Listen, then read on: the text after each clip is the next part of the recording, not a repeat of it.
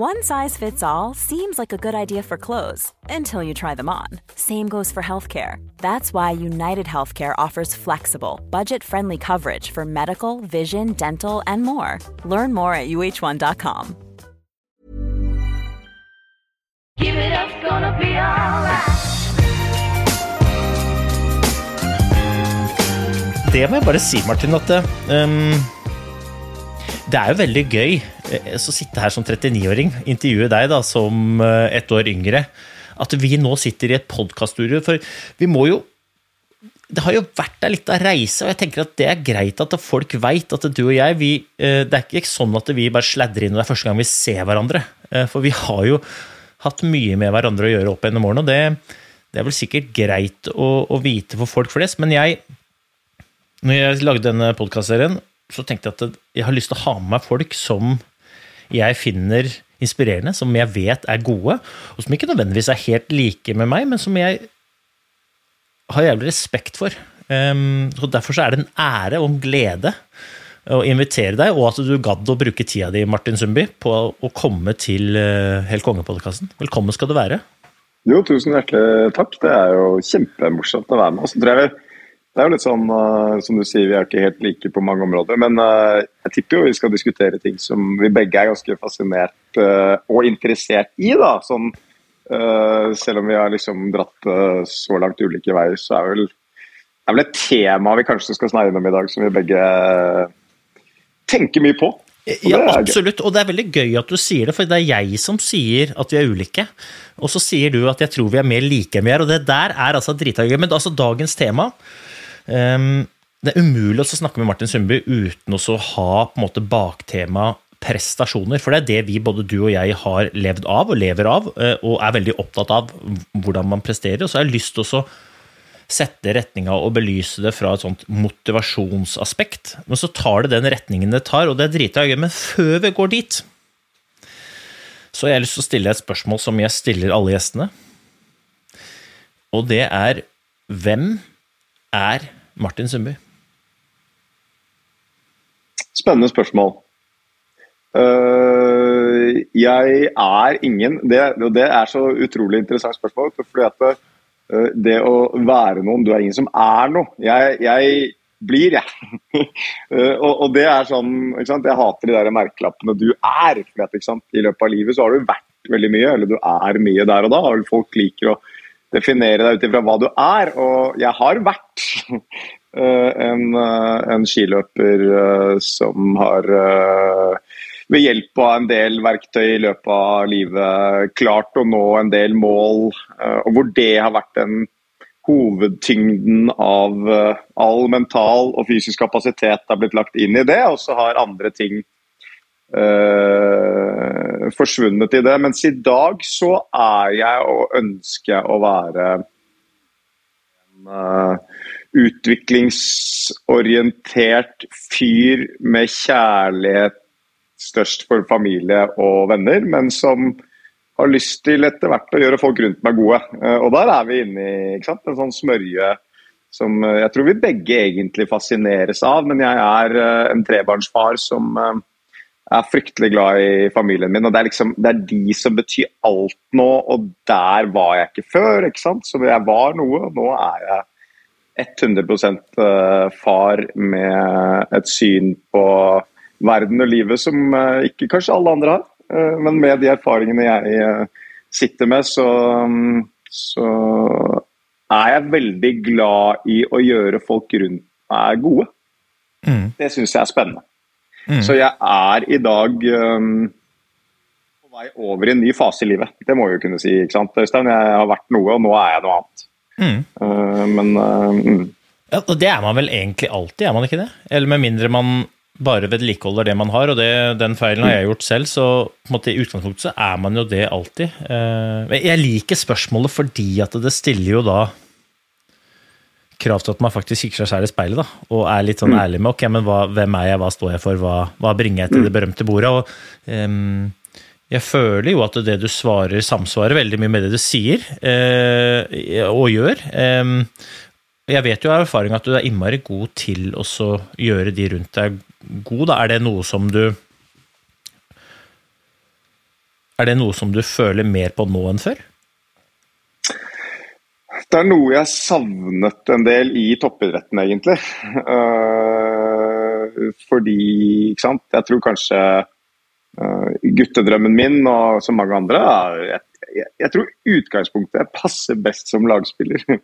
sånn i forhold til en setting hvor jeg har den Det ønsket om å være og gi, da, uh, til de rundt meg. og i det der toppidrettsregimet som vi har vært i, når det handler om kun deg selv, det er kun toppidrett, det er liksom dine egne resultater, de går stort sett foran resultatene til lagkompisen din, selv om du gjerne ønsker at de skal bli bedre, så er det deg selv du aller helst vil at skal prestere best. ikke sant?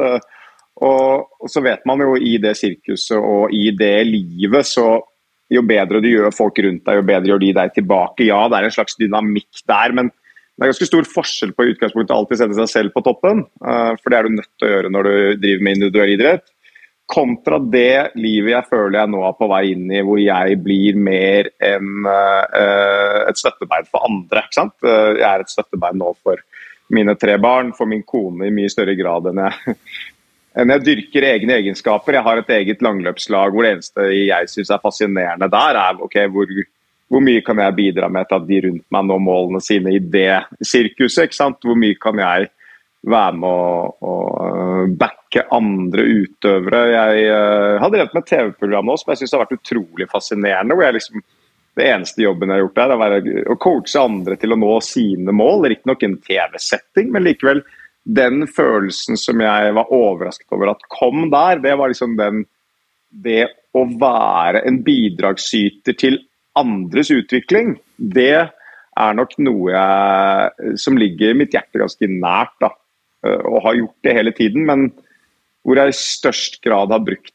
uh, utviklingen rettet mot min egen prestasjon da, frem til nå i livet, liksom. Og så må jeg være helt ærlig på det at de gangene jeg har hatt det morsomst i karrieren, det er jo ikke de gangene jeg på sett og vis har stått øverst på pallen, eller de gangene jeg har lykkes. Det er jo de gangene jeg har hatt et samarbeid med noen rundt meg som har ført til en suksess. da, eh, ikke sant? At, man, at jeg har gjort folk rundt meg rimelig gode, så folk rundt meg kan gjøre Eller at det prosjektet i sin helhet fører et sted. Og, og det tror jeg er litt inni den der kjernen som jeg kjenner at jeg Ikke sant? Jeg er helt ærlig på at jeg står jo sånn uh, punkt i livet hvor jeg nå skal definere litt hva jeg skal drive med fremover. Uh, det er nok ikke um, bare skirenn som foregår i mitt liv neste halvdelen, holdt jeg på å si. Så det å erkjenne litt at det er dette jeg syns er gøy, er jo første steg på reisen liksom inn i mitt nye liv. Og det trives jeg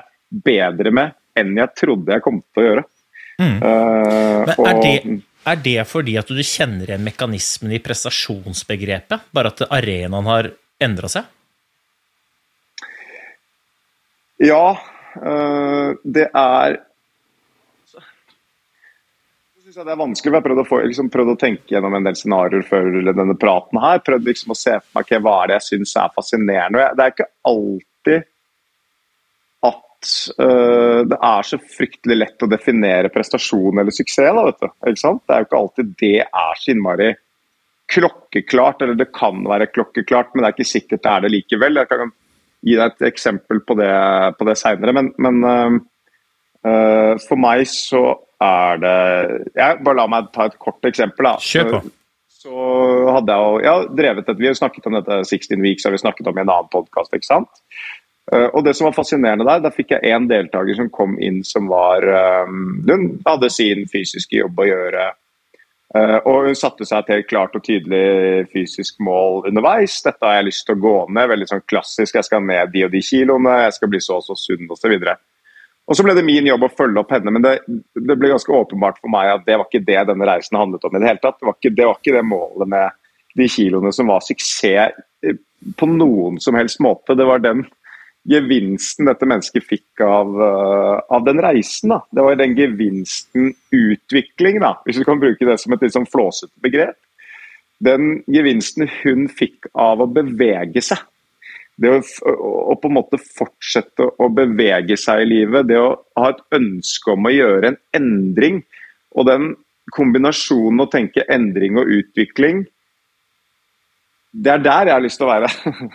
Uh, I større grad enn å nødvendigvis uh, sørge for at alle kommer til det åpenbare målet som ligger der fremme. ikke sant? Fordi vi, er jo, vi lever jo i en verden hvor jeg tenker at det må være så utrolig vanskelig å sette seg fornuftige mål i livet. Altså på en måte For deg og meg som drevet med idrett, det er så enkelt å si at du skal vinne det eller du skal være der, sånn, men, men, det å klare å skape seg fornuftige, smarte målsettinger som vi sikkert skal snakke mer om etterpå, det å, å sørge for at det fører til den utviklingen og endringen man vil, da. Mm. Det er kanskje det jeg syns er mest eh, fascinerende her, og veldig mye mer fascinerende enn å nå det målet. Uh, så det er her jeg har lyst til å være Jeg, jeg kjenner at ha noe jeg ordentlig brenner for i livet mitt, så er det nok kanskje akkurat på denne arenaen. Ja, er, jeg er jo veldig enig med det du sier. Jeg, jeg, har jo jeg sier jo det at jeg ser på motivasjon som en konsekvens av å gjøre jobben. Ikke nødvendigvis som, et, eh, ikke som en faktor for å starte, og ei heller den følelsen av å nå det. For jeg mener at det å nå et mål, det er drita gøy, men motivasjonen eller mestringa eller meninga for den saks skyld, det ligger jo liksom i å gjøre det som skal til for å være i stand til å nå målet. Og så er det en del ting som påvirker om du når det eller ikke. Men det du snakker om, det, i mitt språk så er det da liksom moment. da. Det er følelsen av å være på vei. Og jeg har sett litt på det programmet. og jeg ser jo de, de deltakerne som da får disse resultatene underveis, hvor glad mm. de blir. Og, og, de er jo ikke i mål, men da tenker jeg at det resonnerer med, med den jeg eller det jeg definerer som moment, da, følelsen av å legge ned et godt stykke arbeid. Liksom, mm. Dette er krevende, men det gir meg de positive affirmasjonene som jeg har lyst til å skape. Eh, mm. og så vil de, hvis de da når dette er min oppfatning av saken, da kan du skyte meg hvis du er enig, ja, men min erfaring er at hvis man når et mål, så er det drita gøy. Mm. Eh, men den er litt kortvarig. For, mm. sånn at da vil du fort føle den tomheten. Og det du savner da, det er å gjøre det som skal til for at du flytter deg til neste mål, da, eller neste ting. For det er liksom i kjølvannet av momentet mm. at alt sammen gløder. Jeg vet ikke om det resonnerer med hvordan du tenker på det? Jo, jeg tror vi er helt uh, på linje der. Uh, jeg, men jeg tenker sant? For hva er moment, og hva er endring? Og så, og så tror jeg kanskje at det ja, Man må jo alltid bruke seg selv som en sånn liten referanse. ikke sant? På, I den grad man skal bruke sin egen erfaring, så, så, er det jo alltid de gangene jeg har vært endrings, altså flink til å gjøre endringer i livet. Da. Eller flink til å skape grunn til å gjøre endring. Mm. Fordi, sant? Det er jo det vi snakker om. Du må ha en god nok grunn til å gjøre en endring. Uh, og uansett så Uh, for Du har et sånt spennende spørsmål som du også har stilt før. Hva er suksess? Er, mm. Vi er innom det. Hva er suksess? Og så har vi nå snakket litt om det målet man kan sette seg langt der fremme. Som jeg er helt enig med deg. Det å nå et mål er skuffende lite tilfredsstillende. Uh, fordi det på sett og vis det avslutter jo en epoke, på en måte. Uh, mm. Så hvor skal man der? Det gir nesten et like stort fall i motivasjon etterpå som det gjør å skape en drivkraft videre, hvis du skulle være så heldig å nå det målet ditt. da. Eller mm. uheldig, alt ettersom.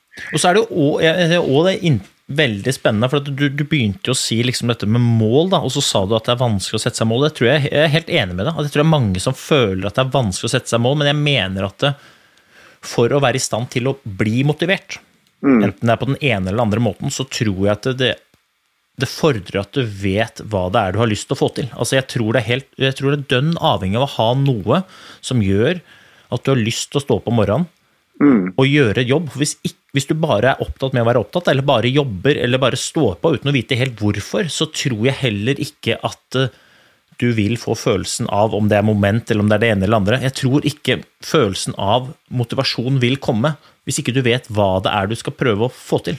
Er du enig eller uenig? Jeg er jo grunnleggende helt enig uh, av at jeg Det må på en måte være klokkeklart. Også, uh, for her snakker vi om målsetting, ikke sant. Og bare for å skissere en riktig og en gal målsetting, da. Uh, fordi jeg gikk fryktelig mange år selv uten å klare å definere en god målsetting for meg i, i skisporet. Altså, vi jeg jobbet og jobbet og jobbet. Det gjorde vi sammen. Vi, vi var jo egentlig Vi kjørte jo parallelt veldig veldig lenge. Egentlig frem til ja, 2008-2009 så var, var vi jo helt parallelt løp der. og Jeg er veldig lite arbeidssky. Det har aldri vært, aldri vært arbeidssky, men du kan, jo, du kan jo jobbe livskiten av deg uten å ha noe særlig god retning på hva du driver med. Eh, og Det var sannsynligvis der jeg var i en periode, at jeg hadde lyst til å bli så god som mulig. Det er et sånt overordnet eh, perspektiv på, eh, på motivasjon. Så god som mulig, men hva betyr det? Jeg synes det er utrolig fascinerende dette blir litt historie, da, men utrolig fascinerende. Jeg husker Før OL i Vancouver så ble jeg spurt av en journalist om hva målet mitt var for det, de olympiske lekene. Um, og så ble jeg tatt litt på senga av det. Eh, eller, eller sånn ikke Det føltes påkrevd å gi et svar der um, målsetningen for de olympiske lekene var å ta en medalje. Ikke sant? Det føltes litt som at det var jo påkrevd å skulle få til det. Uh, og så samsvarte jo ikke det overhodet med hvilke resultater jeg hadde den sesongen. Og det samsvarte jo ikke på en måte med de siste to sesongene. Men jeg skulle representere Norges landslag um, i de olympiske leker i Vancouver. Jeg kunne jo ikke svare noe annet enn det. Og så i ettertid, ikke der og da, men i ettertid så har det jo slått meg at jeg har jeg gikk jo ikke inn i de olympiske lekene med en egendefinert målsetting om hva jeg skulle få til den sesongen. Altså, fordi at den overordnede målsettingen var så klokkeklar både fra nasjonen, Skiforbundet og liksom støtteapparatet. ikke sant? Det er medaljer du kjemper om i OL, men for meg var jo det milevis unna. Så Sånn sett en målsetting som jeg ikke personlig følte på, men som likevel lå i lufta. Og akkurat dette momentet tror jeg fryktelig mange i næringslivet kan kjenne seg igjen i. ikke sant? Det, fordi at det, Man er veldig flink til å definere målsettinger ovenfra og ned. Men det er ikke sikkert alltid er så lett å klare å skape de gode målsettingene fra, un uh, fra undersiden. Eh, Dvs. Si enkeltindividets oppgave i bedriften eller personlige drivkraft inn i det daglige arbeidet. Det er jo mange arbeidsmaur i et stort system, potensielt i mange bedrifter. Eh, og så møtte jeg jo da sant, min da mentor, for jeg har hatt en mentor i forhold til dette mentale arbeidet det, sesongen etterpå, så spurte meg akkurat det samme spørsmålet. Og Da kom jeg fra olympiske leker. Jeg hadde eh, prestert relativt dårlig og sa akkurat det samme om VM i Holmenkollen. Ikke sant? Jeg skulle ta medalje. Ja, men det var jo ikke noe rot i det i det hele tatt. Men det er klart, det er jo et mål. Men det definerte jo ikke de endringene jeg hadde lyst til å gjøre.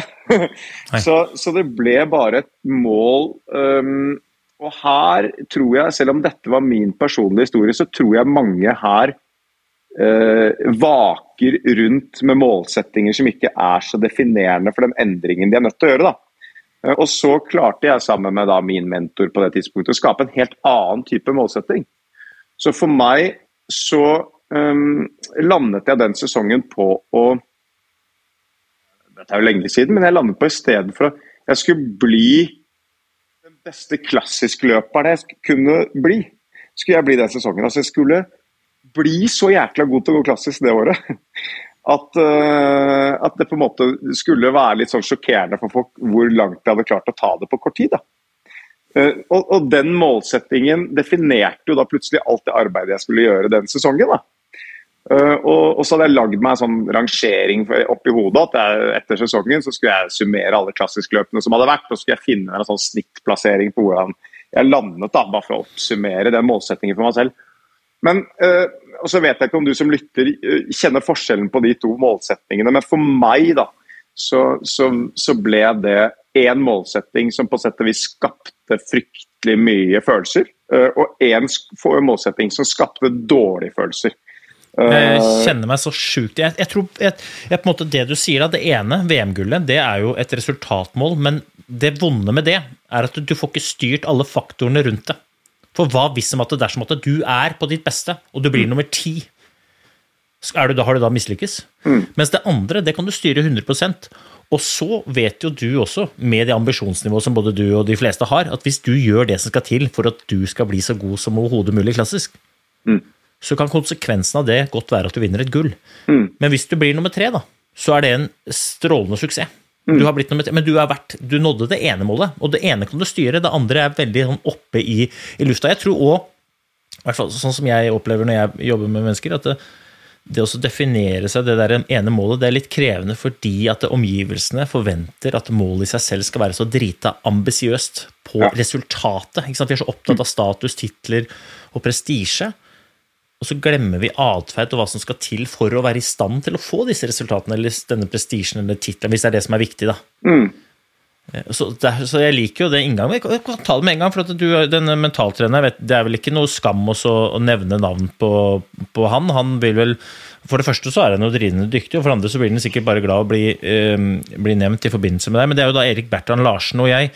Eh, du har jo blitt litt forma av det, da. Kanskje, kanskje mest om Jeg vet ikke om det er feil å si, men mest sånn imagemessig, føler jeg. Altså, eh, eh, du har jo litt sånn macho image, og noe har du sikkert eh, brukt og bygd opp selv. Men du har et sånn macho image, og det har jo for så vidt Bertrand Larsen også. Det er bare å gønne på, det er helvetesuka, det er ditten og datten. Eh, jeg på den andre siden, eh, jeg har nok mer et sånn klovnestempel. Og akkurat samme der, altså det har jeg sikkert vært med på å bygge opp litt selv også. Eh, og så, ja, så, så vi, sånn, vi har to litt ulike innganger til, eh, til prestasjonsbegrepet, kanskje. Eh, tror du det påvirker prestasjonen? Nei, jeg tror øh, I så stor Altså, jeg tror Jeg tror det bare er ulik fargelegging av mange av de samme tingene. øh, ikke sant? Og, og fordelen med å være Å farge det veldig rødt og svart, da, som kanskje Erik er flink på, hvis du skal bruke et fargebegrep, det er jo at det, det er veldig flashy og veldig sånn, enten veldig provoserende eller veldig inspirerende. Uh, og så skal det sies at de tingene som ble veldig viktig for meg, mitt samarbeid, eller for min utvikling sammen med Erik, det hadde veldig lite med det macho-greiene å gjøre. Nesten tvert imot. altså på en måte Det han lærte meg, da, som jeg tror at du og jeg kanskje kommer til å være litt uenig i, uh, men det høres likevel ut som vi er litt enige, det er uh, den fake it till you make it-greia. Uh, fordi det lærte jeg veldig mye om når det kommer til prestasjon. Altså. Det å fake det å fake motivasjon for en uh, som er et moment som jeg mener er totalt undervurdert i utvikling for veldig veldig mange. Um, jeg tror at begrepet motivasjon er en sånn Det å være motivert tror jeg er en, en fysisk følelse du veldig sjelden egentlig kjenner på. Um, det er veldig deilig når man gjør det, og veldig sånn Du blir veldig euforisk når du kjenner på masse motivasjon, men det er en, uh, de fleste dagene så er ikke den motivasjonen så sterk. Da. Så jeg hadde veldig, ikke sant? Når først dette målet som vi var inne på i stad var definert, så må du finne nøkler til hvordan du klarer å nærme deg det målet litt for hver dag. Og det var Erik veldig flink på med meg. Han var veldig flink på å sørge for at jeg husket på mål, at jeg husket på målet mitt. At jeg minnet meg på det, at jeg hadde disse nøklene i hverdagen som gjorde at jeg ikke glemte hvorfor jeg skulle gjøre de der endringene. Mm. Uh, og, og, det å ha nok sånne påminnere uh, og gi meg, få meg nok uh, fokusert på hvorfor jeg skal gjøre endringene, det var faktisk en av de viktigste tingene han gjorde for meg. Det å identifisere. ikke? Og, og her er vi ikke sant, inne på det du snakker om med moment, men jeg må ærlig innrømme at jeg ofte måtte fake det momentet. Ja. Uh, for å klare å komme meg videre, men at Og så tror jeg vi er enige igjen. I ettertid av å fake det, så kommer inspirasjon. Ja, fordi eh, Kan det være da at eh, med fare for å putte meg selv i dårlig lys, eller godt, veldig godt lys, da, sikkert ufortjent også, men hvis For jeg var veldig bevisst på effekten av å gjøre den jobben. Selv om jeg syns jobben i seg selv var et slit. Det er ikke sånn at jeg alltid syns det er drita gøy å trene. Det er bare ljug. Det er ikke alltid jeg syns det er drita gøy å gå på jobb heller. Men jeg er alltid ganske klar på å kjenne etter hva det gjør med meg når jeg gjør det stykket arbeid jeg har bestemt meg for å gjøre, på det nivået jeg har lyst til å gjøre. Altså sånn, eh, så måte jeg søker det, da, og, og kanskje spesielt i de tid hvor jeg føler at eh, nå er det litt seigt. Mm. Liksom, er det litt det samme som det fake it-greiene, bare at jeg hadde da en mer sånn Vær bevisst på hva det gjør med deg, mens du hadde mer sånn uansett så skal det være Skal det føles bra, på en måte? Eller misforstår jeg? Uh, Nei, jeg kan prøve å billedgjøre det litt. Grann, da? Min største utfordring i den, på den, uh, i den delen av karrieren var kanskje at jeg, jeg, jeg var ikke spiss nok på det jeg gjorde. Jeg hadde ikke tydelig nok eh, retning på treningsarbeidet. Så, så jeg måtte bli spissere på hvorfor jeg skulle gjøre den og den type trening. og Hvordan skulle jeg vinne skirenn. ikke sant? Eh, først begynne i den ene retningen, eh, og så finne ut okay, ok, hva skal til for at jeg faktisk vinner de skirennene. Men jeg hadde en del ting rundt i livet òg, jeg. eh, som på sett og vis er mer på det derre komfortabelt, ukomfortabelt-greiene. Komme seg opp om morgenen, spise de riktige tingene, gjøre den riktige jobben, bruke mindre energi på det ikke får gjort noe med. Alle disse tingene som jeg egentlig har en ganske sterk dragning for å være useriøs, eller useriøs på, da, men som summerer opp i enden av året, så er det alle disse småtingene hele tida som betyr noe. ikke sant? Og, og, og det der trengte jeg å fake det. For jeg var ikke gira på å stå opp kvart på seks om morgenen. Eh, Jeg er en fyr som gjerne kunne dra meg til halv ni og tenkte at det spilte ingen rolle. Men likevel, i den endringsfasen jeg da måtte gjøre, så er jo ikke det at det å stå opp seks om morgenen i seg selv gjorde meg bedre, men endringen gjorde meg bedre. Det å gjøre en endring, det å få til et strukturskifte, skapte form for utvikling og den følelsen på kvelden når du ser tilbake på at i dag Jøss, i dag jeg er ikke sikkert det var så mange i verden som sto opp tidligere enn meg i dag og begynte å gjøre jobben tidligere enn meg. Der kom jo på en måte motivasjonen for meg og, og inspirasjonen, som på et eller annet tidspunkt var der veldig tidlig. Men jeg må innrømme det at motivasjon og inspirasjon for meg, det er flyktige greier. altså Det er ting jeg tar opp innimellom, men som ikke er vedvarende. Og, og det tror jeg er veldig godt for folk å høre på. At uh, toppidrettsutøvere går ikke rundt og bobler av motivasjon for å gjøre endringer. altså. Nei, jeg er jo um, Dette, dette syns jeg er kjempegøy. Jeg er veldig enig i veldig mye av det du sier. Uh, og jeg hadde tenkt å stille et spørsmål, men siden du tar det opp, så kan jeg tenke liksom eh, En ting er å være motivert, og så sier du at det er flyktige greier, og det er jeg helt enig i, for jeg mener at motivasjon er jo den, konsekvensen av å gjøre det jobb. Det fordrer at du vet hva det er du skal, det fordrer at du også gjør det som skal til for å, flytte deg dit. Eh, og, og, og min erfaring er jo at de gangene jeg er umotivert eller demotivert, for det skjer, akkurat som du sier, det skjer jo, eh, så er jo det de gangene hvor jeg ikke skaper det momentet. Altså Hvis du spør meg hva det er som jeg gjør meg motivert, så svarer jeg gjennom å jobbe med de tingene som jeg har bestemt meg for å jobbe mot. Og hvis du svarer med hva er det jeg blir umotivert av, Mm. så svarer jeg bare å jobbe. Altså det å være opptatt med å være opptatt. Men hva, eh, i de tyngre periodene, hva har du liksom reflektert eller pinpointa årsaken til at du var umotivert? Ja, Årsaken til at jeg er umotivert, tror jeg er spill. ikke sant? Um, syv måneder treningssesong, da, som en langrennsløper gjerne har. Uh, det innebærer uh, at det målet du har satt deg, eller de målene du har satt deg om å potensielt kjempe om gul trøye, eller om å komme på pallen i ditt første renn, eller å på en måte slå deg inn på landslag, det er hjertelig langt unna.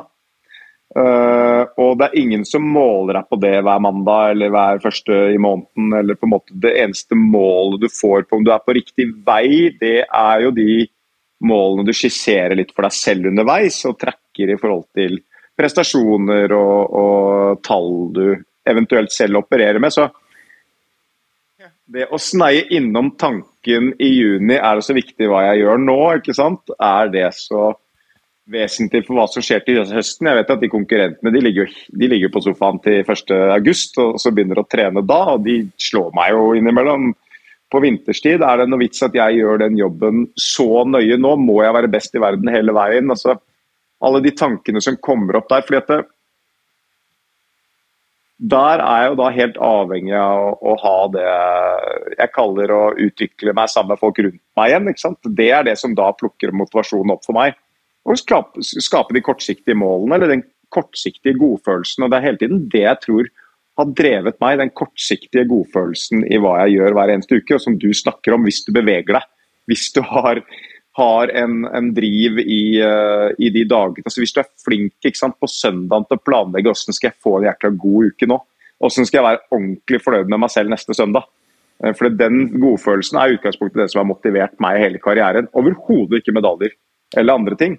Men jeg sier jo også at selv på den reisen med kortsiktig utvikling, så kan det midt i juli være seigt. Uh, mens alle andre nyter livet og presse inn uh, 110 treningstimer. Uh, og føle at du, du faller ut av, av livet på en måte som, eh, som skaper demotivasjon, rett og slett. Og, og det er jo de situasjonene jeg har måttet fake en del, da. Um, og så har jeg bare lyst til å raskt skyte inn at Erik også, siden vi var litt inne på Erik i stad, han var veldig flink til å lære meg om hva, hvem var jeg, Martin Jonsrud Sundby, når han faktisk presterte på sitt beste. Det var del to da, av det Erik klarte å, å endre hos meg, og det var kanskje det viktigste. Men også enda mer avhengig av å fake det. Eh, Ja, for det, ja, her er vi jo inne på, her er vi inne på altså det er så mye vi er inne på. Vi er jo så innmari mye inne på f.eks. dette med bevisstgjøring. For del to, altså spørsmålet til Bertrand, det går på, det går jo på å identifisere hva det er som skal til for at du presterer så godt som overhodet mulig. Og ikke bare, sånn, ikke bare på treningsdelen, men sånn hvordan er det du er når du er på ditt aller beste. Og dette er jo eh, med fare for å tråkke på jeg, jeg har sagt at litt for mange er i live, litt for få lever. Jeg sier at folk ofte er opptatt med å være opptatt istedenfor å være opptatt med å prestere. Men jeg tror det er umulig da, å få til dette uten at man er bevisst på hva, hva er det som ligger bak her. Det er derfor jeg sier også at liksom, motivasjon, for eksempel, som vi prater om mye nå, er konsekvens. Men for å bli motivert, finne ut hva det er du må gjøre for å bli det. Altså, for du sier jo det også, motivasjon er jo en følelse. Akkurat som det å være umotivert er en følelse. Og det å prestere, det handler jo om å identifisere hvordan man må være for å kunne prestere. Mm. Men før vi går dit, da, for dette, vi må gå dit, det er kjempespennende. Eh, Men du sa jo at um, i hverdagens kjas og mas så er det jo vanskelig kanskje å gå rundt og være motivert. Mm. samtidig som jeg tror at folk hadde vært har godt av å kunne føle på motivasjon daglig, da. selv om de tingene man gjør føles som jobb. Selv om det er haug av unger, og selv om det er omikron her, og det er eh, dugnad der, og det ene og det andre. Ha- Har du noen råd eller tips eller vink eller tanker rundt hvordan folk flest, da. For nå er du og jeg eh, blitt en del av folk flest. Hvordan er det vi kan uh, gyve løs og sikre at vi på en måte i størst mulig grad går rundt og i hvert fall har et bevisst forhold til motivasjon? da? Ja, jeg, jeg bruker i hvert fall uh, en del tid på det jeg kaller kort, kortreist motivasjon. Da. Eller sånn uh, kortvarig motivasjon bruker jeg nesten daglig, og det tror jeg veldig mange kan, kan gjøre. og Det, det er veldig, veldig, veldig enkle grep, men jeg pleier alltid å bruke ti minutter, et kvarter på kvelden før jeg legger meg på å planlegge neste dag. Um, egentlig litt for å først klargjøre for meg selv okay, hvordan har jeg lyst til at, hva, hvordan er drømmen for, for neste dag, eller hvordan har jeg lyst til at neste dag skal se ut. Hva kan jeg få ut av, av morgendagen? Um, ofte så er jo det, ikke sant. Du har tidsklemma, som er et uh, aspekt av, av livet til de aller, aller fleste. Okay? Du, du må rett og slett få klokkeslettet til å passe sammen, og du må sørge for at eh, alle får med seg de matboksen de trenger på skolen, og, og at ting går sånn rimelig i forhold til at du når de avtalene du skal. Men er du, da er du plutselig på det der å bare gjennomføre. Men så har jeg lyst til å få noe mer ut av det. Uh, og jeg har lyst til å jage et eller annet den dagen som jeg da kan være litt stolt av på kvelden. ikke sant? For det, det, det, er, det er kortreist motivasjon. Det å være litt stolt av den dagen du nettopp har vært gjennom, den kvelden. Eh, Enten det, eller å ha lært at i dag kunne jeg vært bedre på noen områder, og så ta konsekvensen av det til neste dag. Som også skjer ganske ofte uh, for meg. Men uh, så bruker jeg et kvart, litt tid på det på kvelden, og så tar jeg en sånn kjapp fem minutter på, på morgenen også, hvor jeg liksom OK, det og det skal skje i dag. Og den femminutteren uh, er vesentlig for meg. for at, ikke sant? Plutselig så våkner du opp om morgenen, og så har du fått fire tekstmeldinger, og så er det to av de som gjør deg litt dårlig humør. da. Og det kan skje, ikke sant? eller det kan være noe uforutsett som har skjedd. og Det tipper jeg ganske mange som får et eller annet å forholde seg til, som plutselig roter til den planen du har lagt. Eller gjerne da den mentale innstillingen du skulle ha hatt. ikke sant? For hvis du, sånn som her, da, hvis jeg sover i andre etasjen og kommer ned og da har jeg fått en beskjed som gjør at jeg er litt, øh, litt ufokusert, så blir det fort en dårlig frokostseanse med familien. Fordi at hodet mitt er et annet sted enn det jeg helst det hadde planlagt å være. Så det å ta den fem, fem minutter på morgenen nå, det, det hender at jeg gjør, og burde gjort oftere. Så bare et lite break nå i episoden. For at eh, denne episoden den gjør jeg sammen med mine gode venner i Coop. ikke sant? Og Coop det er jo fine folk, men jeg må være ærlig og si at jeg setter jo nesten like mye pris på kaffen. ikke sant? Altså Coop kaffe, min personlige favoritt, det er smaksserien eh, og type Kenya-bønner. Ah, du får ikke bedre. Men når jeg sitter da, med denne kaffen og drikker og super og koser meg, det er jeg løser problemene mine, vet du.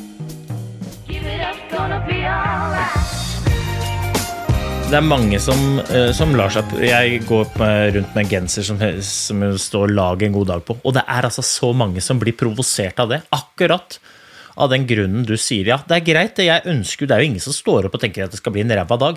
Alle ønsker å ha en god dag, men litt for få tar den der, både den, det kvarteret, men også den femminutteren. Liksom definerer hva i all verden er det den gode dagen skal inneholde. Hvor er jeg, hva er det jeg må gjøre? Planlegge når de skal gjøre det, og så gjennomfører det. da, Og ikke lar seg bli i for stor grad liksom vippa av pinnen eller offer for eller konsekvens av omgivelsene man står i.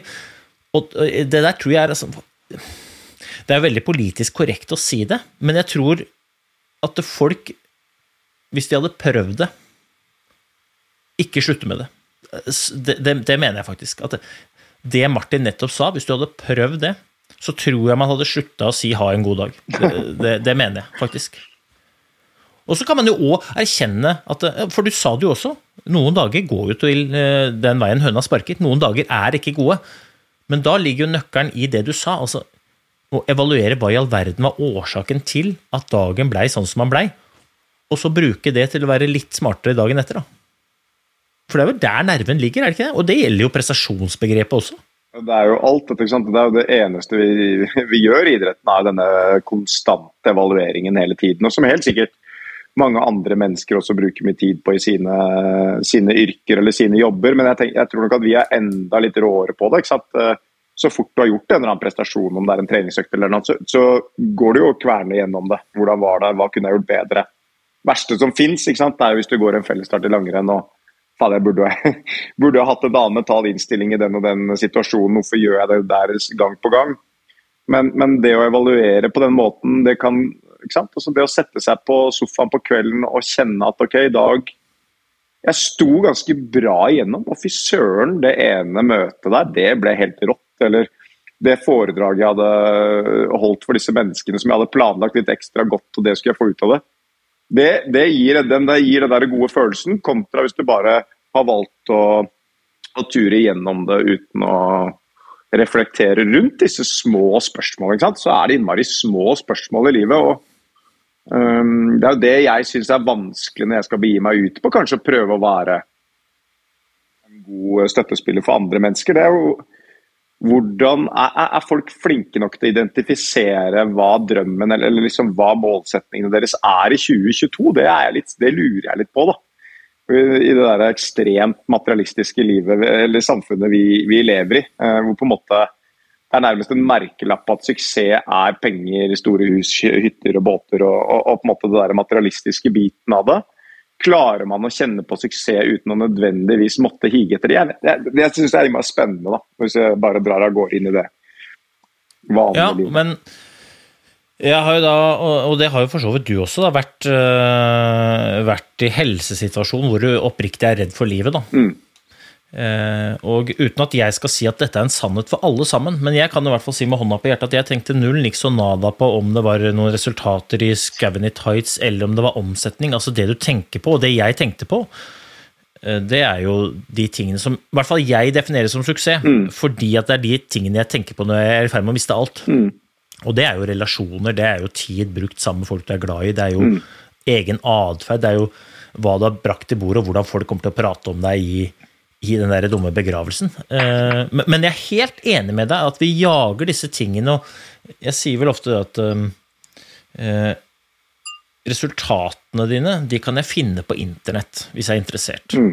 Men, men graden av suksess ser jeg litt i øya dine. Jeg ser liksom i ja, jeg, jeg, merker det på energien da, når du kommer inn i rommet, om, om du lykkes eller ikke. Men det kan godt hende at du har jævla gode resultater. Men jeg kjenner jo flere med fantastiske resultater som ikke nødvendigvis går rundt og føler seg så innmari suksessfulle eh, hele tiden. Du sa, du sa noe spennende til meg eh, um, på en skitur her i fjor, at du, du følte at du at ironisk nok, når du var på ditt beste resultatmessig, så var du mest liksom, typ stressa, eller følte du hadde mest å, mm. mest å forsvare. Mm. Er det noe som du har på en måte klart å overvinne, eller tror du at det, det vil være de samme mekanismene hvis du nå slår deg opp som tidenes et eller annet i det du har lyst til å holde på med? Um, jeg håper at jeg har lært. Um, jeg håper at jeg, jeg, jeg føler det nesten som en form for modningsprosess, ikke sant? Hvor, hvor på en måte uh, det har um, vært med å definere meg fordi jeg får lov å reflektere, og det er fordelen med en idrettskarriere. Fordi den på et eller annet sted må fases ut. Så der andre på sett og vis ikke oppsummerer livet før de er 70 og går av med pensjon, så får vi muligheten til å oppsummere en del av livet ganske tidlig. For å eventuelt gjøre noen korreksjoner på, basert på disse refleksjonene videre. og Det synes jeg er kjempe, jeg føler meg veldig privilegert som har den muligheten og har klart å lære av det. og veldig sånn La meg, la meg, jo igjen fascinere av, på sett og vis, eh, kall det de, hvis du skal eh, disse um, Ja, milliardærer, da. Jeg, jeg syns det er et, noe jeg ikke, ikke sant? Det er vanskelig for meg å fatte. Uh, hvordan man velger å fortsette det jaget til man er 75, når man egentlig har alt. Uh, så der er det et eller annet jeg ikke forstår. Um, i, i det, ja. i det i, så, eh, men det blir kanskje for materialistisk for meg. Det blir kanskje likevel at den der eviglange konkurransen om gul trøye bare varer helt ut, på sett og vis. Og det er nok ja, er... det jeg lander på, altså, sånn, øh, når jeg reflekterer over det. Ja, for jeg tenker at det må være akkurat de samme mekanismene. Jeg heller er ganske langt altså Jeg er fyr fra en blokk i Groruddalen, er ganske langt unna å tenke at det skal bli milliardær. men jeg tenker at det må være de samme mekanismene. altså mm. Folk må jo tenke noen ganger når de ser Anders Erkland, er det ikke nok? Nå, nå, har, du, nå har, det, gått nok renn. Men jeg tror liksom han drives av noe annet enn ja. det å vinne disse trøyene. altså Han syns det er drita gøy å være i stand til å gå fort. Mm. og det er liksom, så Resultater, drita gøy, men det å være i stand til å skape de, mm. det er liksom nerven. Og jeg tenker at det må være litt det samme der også, i forhold til det derre Eh, det der jaget. Og så tror jeg folk òg blir litt slått i bakken. At det høres, må høres slitsomt ut. Samtidig som jeg tenker at hvis det er noe du virkelig bryr deg om, så, uh, så er det ikke så slitsomt. Det er nok mye jobb, det er ikke det jeg sier, men det er ikke sikkert at det oppleves som et jag. Jeg tror det er mer jag å løpe rundt og tilfredsstille alt og alle, mm. om, rundt for eksempel, om det er prestisjetitler, hvis du ikke bryr deg, enn Olav Thon, som kommer på Storosenteret, som han eier iført altså Han hadde jo egentlig ikke kommet inn med mindre han eide, for han ser jo ut som han skulle, skal hente seg en pappkopp og sette seg på utsida. Mm. Men det er ikke det han bryr seg om, tror jeg, da. Men, men da er man litt inne på liksom, det der bærekraft, da, hvis man skal ta måte, bærekraft i motivasjonsaspekt. altså Hva tror du skal til for at folk skal kunne holde motivasjonen lenge? Ja, Det syns jeg er et kjempespennende spørsmål. og, og liksom, Nå er vi jo der er jo nyttårsforsetter bare sånn eh, fascinerende element i menneskets natur. da, ikke sant? Man setter seg disse nyttårsforsettene, og så er jo det er jo noe veldig kult egentlig med å sette seg et nyttårsforsett. Eh, men det er jo enda kulere hvis du gidder å oppsummere på tampen av året og hvordan har dette gått. og har jeg klart å følge det opp. Eh, også litt sånn um, uh, Nå blir det litt uh, Bertrand-prat, da, men ikke sant? jeg mener jo Erik Bertrand Larsen han er en og det, er, det vet jeg du er òg. Eh, rasende god foredragsholder. Uh, og alle, samtlige av de som sitter i salen, er jo Å, de er så inspirert når de går ut av det foredraget, ikke sant? Uh, og det er bare Fy faen, jeg skal endre verden nå, skal jeg kline til. Så kan du spørre de samme tre vedkommende tre uker senere hva, hvilke endringer har du gjort. Ja, det glemte, glemte jo fort det greiene der. Og, så, så dette er utrolig spennende spørsmål, og jeg tror her kanskje jeg tenker at man må finne den balansegangen mellom å klare å skape godfølelse, som du, ikke sant? det momentet som du snakker om. Jeg bruker kanskje mer godfølelse, da, eller den derre indre, indre, inspirasjonen. den må dukke opp, og den dukker bare opp hvis du gjør de endringene. jeg tror mm. Du, du, bruker kanskje mye ordet utvikling, jeg bruker litt mer ordet endring. For at bare det å gjøre, velge å gjøre endringer i et liv som egentlig er ganske komfortabelt, det er en achievement. da. Det er en, det er en liten, er en liten uh, stjerne i beltet, det å klare å gjøre en, en, vesentlig endring.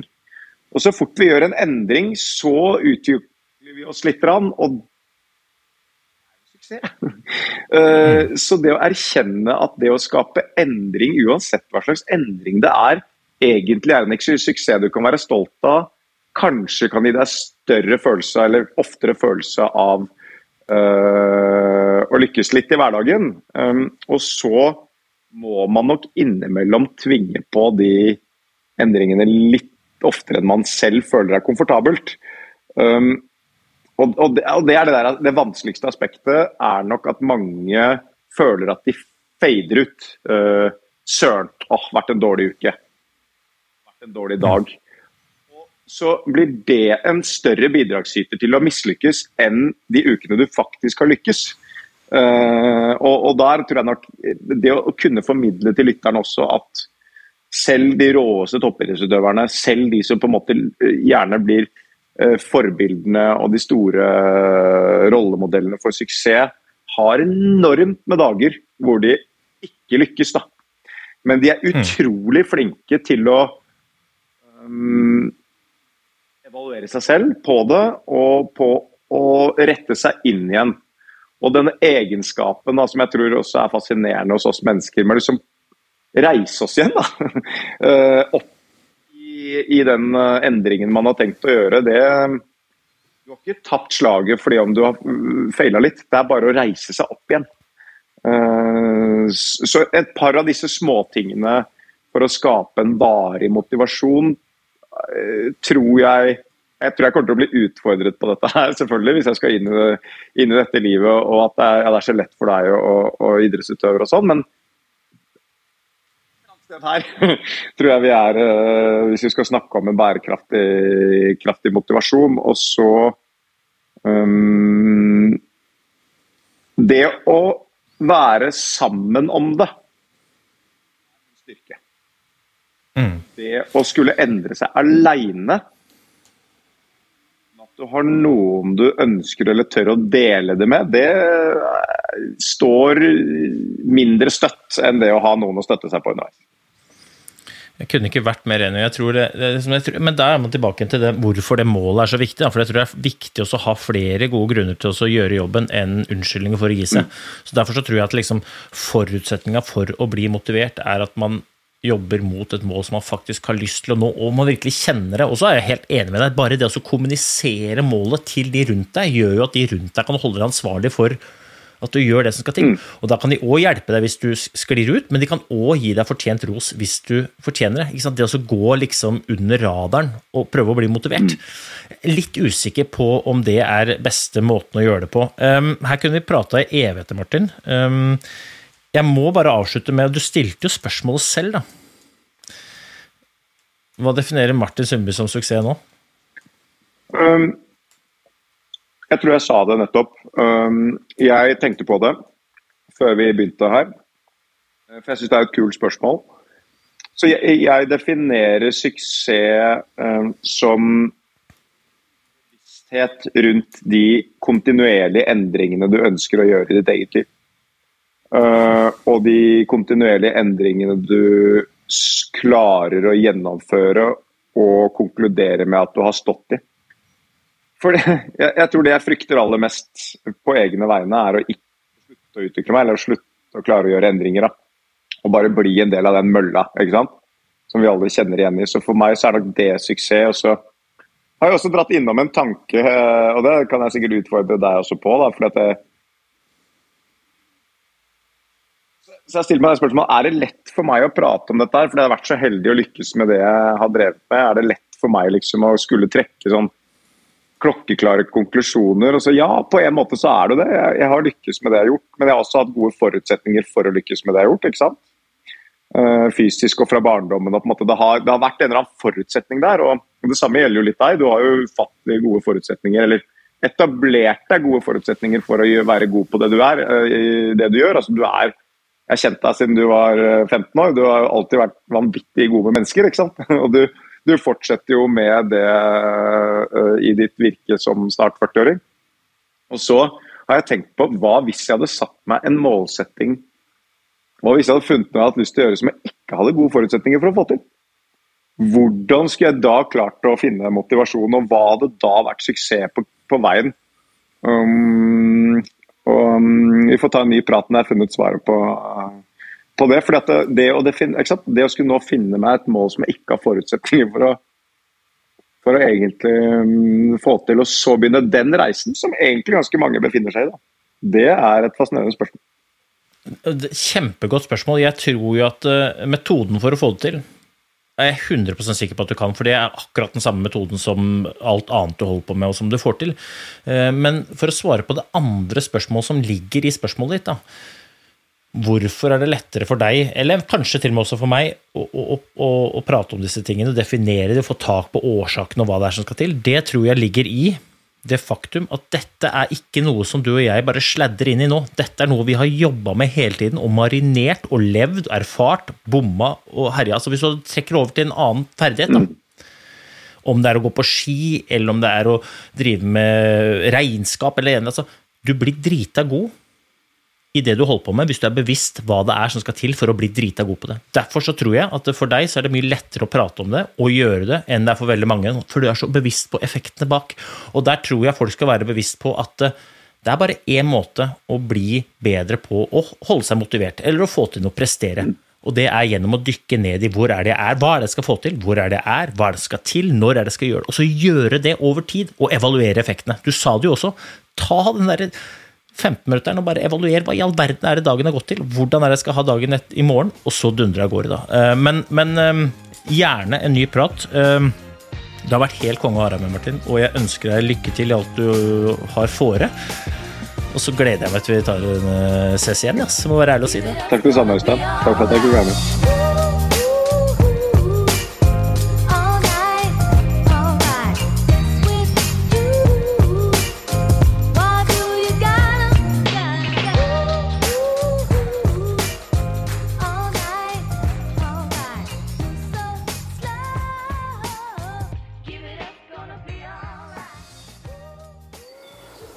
Gode dager.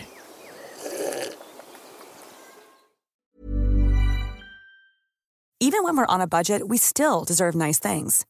Quince is a place to scoop up stunning high-end goods for 50 to 80% less than similar brands. They have buttery soft cashmere sweaters starting at $50, luxurious Italian leather bags, and so much more. Plus, Quince only works with factories that use safe, ethical, and responsible manufacturing. Get the high-end goods you'll love without the high price tag with Quince. Go to quince.com slash style for free shipping and 365-day returns.